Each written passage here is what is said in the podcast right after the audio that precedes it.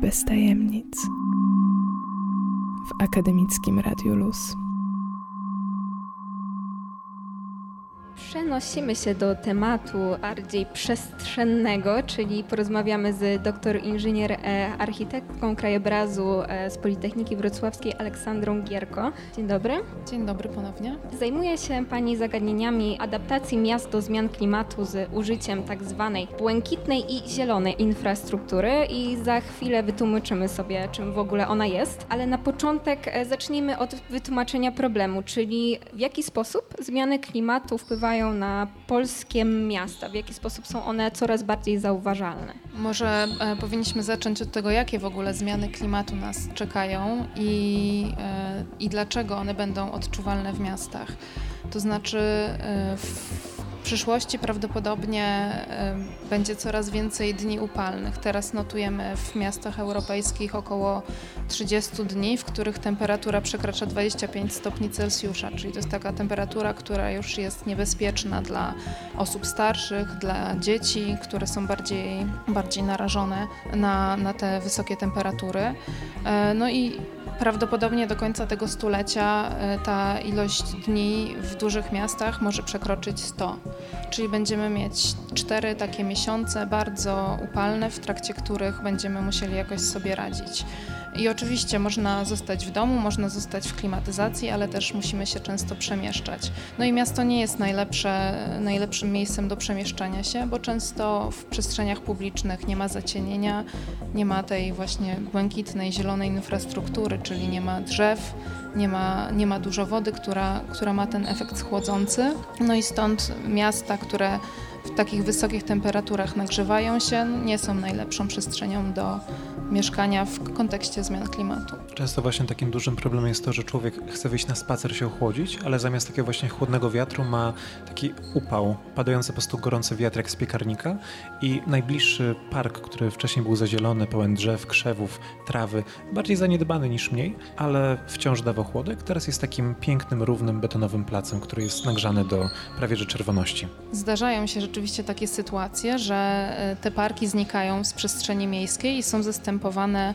przestrzenią, e, która no, nie wchłania wody, tak? nie, nie jest dla niej przepuszczalna, nagrzewa się przestrzenią betonową e, ale też dość istotne jest, żebyśmy myśleli o właśnie tej błękitnej, zielonej infrastrukturze, czyli pewnego rodzaju systemie, tak? Czyli właśnie wychodzimy z domu i nie jest tak, że nawet jeśli mamy, nie wiem, do przejścia 10 minut do najbliższego parku, to my się w drodze do tego parku po prostu już przegrzejemy, tylko że na przykład przemieścimy się aleją, która jest zacieniona, bo rosną przy niej duże drzewa, tak? Czyli powinniśmy myśleć o tym, żeby miasto było tak zaprojektowane, aby były połączenia, które pozwolą nam bezpiecznie przedostać się do innych miejsc miejsc. E, a jeżeli chodzi właśnie o tendencję takiego planowania przestrzennego i w przypadku Wrocławia o rozprzestrzenianie się przedmieść Wrocław dookoła Wrocławia, jaki to ma wpływ właśnie na to planowanie przestrzenne? Problematyczne jest e, w planowaniu przestrzennym e, to, że zatrzymujemy się na jakiejś granicy, tak? Zawsze, zawsze działamy w jakiejś granicy administracyjnej i Wrocław oczywiście stara się planować w taki sposób, żeby przedmieść samych e, często nie zabudowywać, ale gminy sąsiednie e, z racji tego, że są położone przy dużej aglomeracji, starają się znowu ten teren zabudować, tak? Na przykład zbudować tam mieszkania. To generuje pewnego rodzaju problemy związane z e, tym, że ludzie później chcą się na przykład przedostawać do centrum, tak? I często brak takiego spójnego planowania, wspólnego planowania, chociaż tak jak mówię, miasto Wrocław stara się planować też z tymi gminami ościennymi rzeczy, czyli na przykład e, system komunikacji miejskiej. Ten brak planowania sprawia, że, że po prostu generują się dodatkowe e, korki tak, na, na wjeździe do miasta, że ludzie nie mogą się inaczej wydostać niż e, komunikacją indywidualną, a to pociąga za sobą dalsze problemy. Dodatkowo ten brak projektowania, on, on, wynika po prostu z prawodawstwa, tak? ale ten brak projektowania takiego po, ponad granicami administracyjnymi sprawia, że nie mamy ciągłości choćby tych korytarzy zieleni. Tym samym nie mamy na przykład napowietrzania miasta, nie mamy tej wymiany powietrza takiej, jaką moglibyśmy mieć. Jaka byłaby taka główna koncepcja, jaki byłby główny problem przy projektowaniu takiego bańki, osiedla, żeby to spełniało jakby te takie wymagania klimatu? No pewnie problemem byłoby to, że nie żyjemy w bańce, więc zawsze byłyby jakieś e, oddziaływania zewnętrzne, ale rzeczywiście coraz więcej mówi się o tym, w jaki sposób przekształcić nie tylko jakby nowe struktury, ale przekształcić te istniejące w bardziej przyjazne, czyli e, jeśli jest taka możliwość technologiczna, to można na przykład wprowadzać na, na ściany pnącza. To jest dość ekonomiczne rozwiązanie, e, dość ekologiczne rozwiązanie, nie wymaga dużych nakładów i choćby miasto Wiedeń e, wy, wydało taki przewodnik po, po tym, jak zazieleniać elewację. I to niekoniecznie muszą być takie współczesne, zielone ściany, takie skomplikowane systemy, które wymagają nawadniania, ale właśnie są to choćby pnącza, to co było bardzo popularne historycznie, choćby we Wrocławiu. Tak? Jeśli spojrzymy na zdjęcia z lat 20., 30. tych osiedli, które były wtedy wybudowane, Sempolno czy Biskupin, to często tam sadzono właśnie na, bezpośrednio na ścianach pnącza. Jeśli jest taka możliwość technologiczna, to możemy na przykład wprowadzać zielone dachy.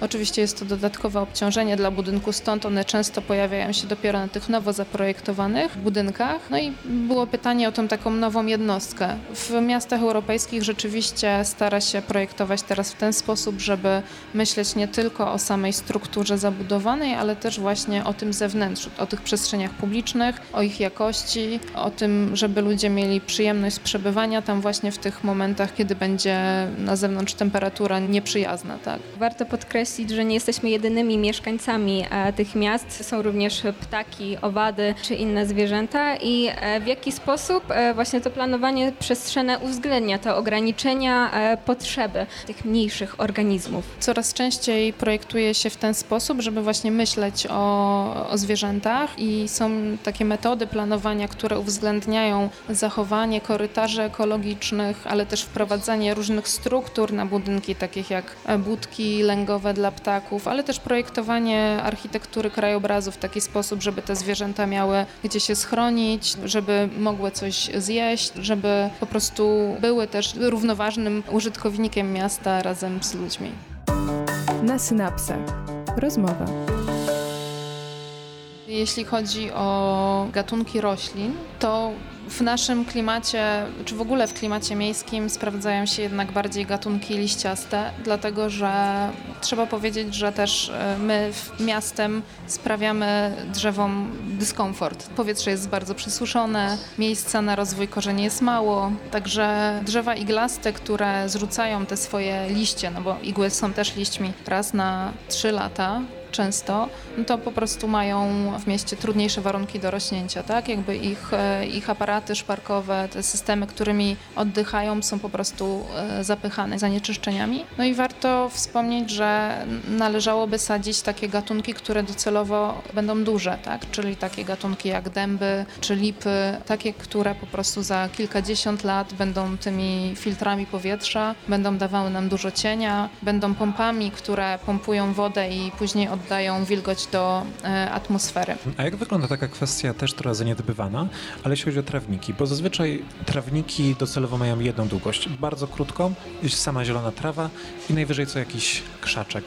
A gdyby przypominały bardziej łąki, byłyby przecież bardziej bioróżnorodne, miałyby lepszą retencję i ogólnie by więcej zwierząt miałoby co tam robić. Mhm. Myślę, że problem z łąkami właśnie leży głównie w naszym ich postrzeganiu, to znaczy wydaje nam się, że równy, piękny piękny trawnik e, będzie czymś ciekawszym, bardziej dekoracyjnym, tak? takim czymś, co uświetni przestrzeń. E, chociaż należy powiedzieć, że w ostatnich latach to postrzeganie estetyki zmienia się. We Wrocławiu widzimy też coraz więcej takich przestrzeni, które nie są koszone cały czas, są koszone rzadziej i mają szansę tam e, zaistnieć inne gatunki niż tylko te kilka, no bo taki trawnik to, to są zazwyczaj cztery gatunki trawy, która jest kilka razy w sezonie przycinana po to właśnie, żeby utrzymać wysokość, żeby, żeby te gatunki nie zakwitły, a łąka jest bardziej różnorodna, bardziej przyjazna dla e, zapylaczy, ale też bardziej ekonomiczna, tak? bo nie musimy wykonywać tego koszenia co chwilę, więc dla miasta jest to zdecydowanie zysk.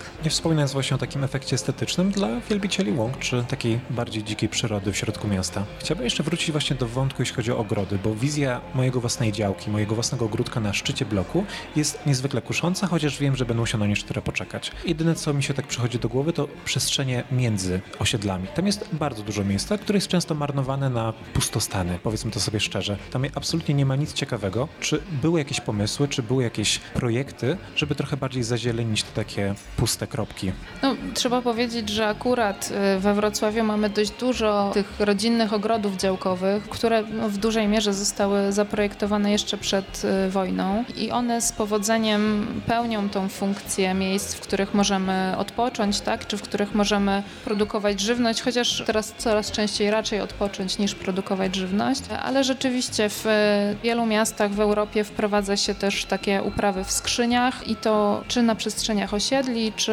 na jakichś właśnie nie, tak zwanych nieużytkach. I choćby w, znowu tutaj przychodzi mi na myśl przykład Wiednia, gdzie na nowych osiedlach często wprowadza się właśnie w te przestrzenie międzyplokowe ogrody warzywne i wykorzystuje się bardzo dużo przestrzeni na uprawę roślin i jednocześnie są też prowadzone badania takie, które pozwalają e, stwierdzić na ile to jest efektywne, tak? na ile możemy sobie tym zapewnić pewną część żywności w ciągu roku. Co większy sceptyk, albo żeby nie powiedzieć maruda, mógł powiedzieć, ale po co to wszystko?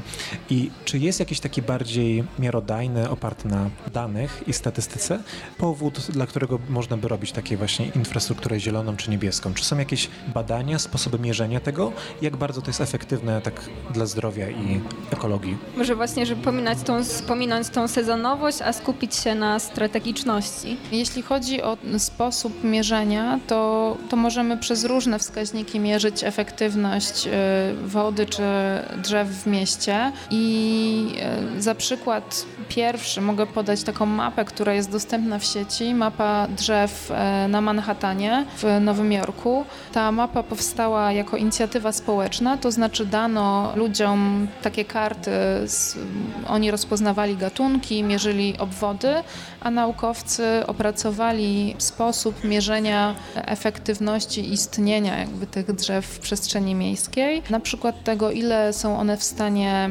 zaabsorbować wody deszczowej, e, jak oszczędzają energię w budynkach, no bo dzięki temu, że między słońcem, które pada na elewację, a elewacją rośnie drzewo, nie musimy zużywać tak dużo energii na chłodzenie. W związku z tym możemy e, wprowadzać różne wskaźniki, które pokażą nam, jak ta zieleń czy woda w przestrzeni miejskiej działa pozytywnie.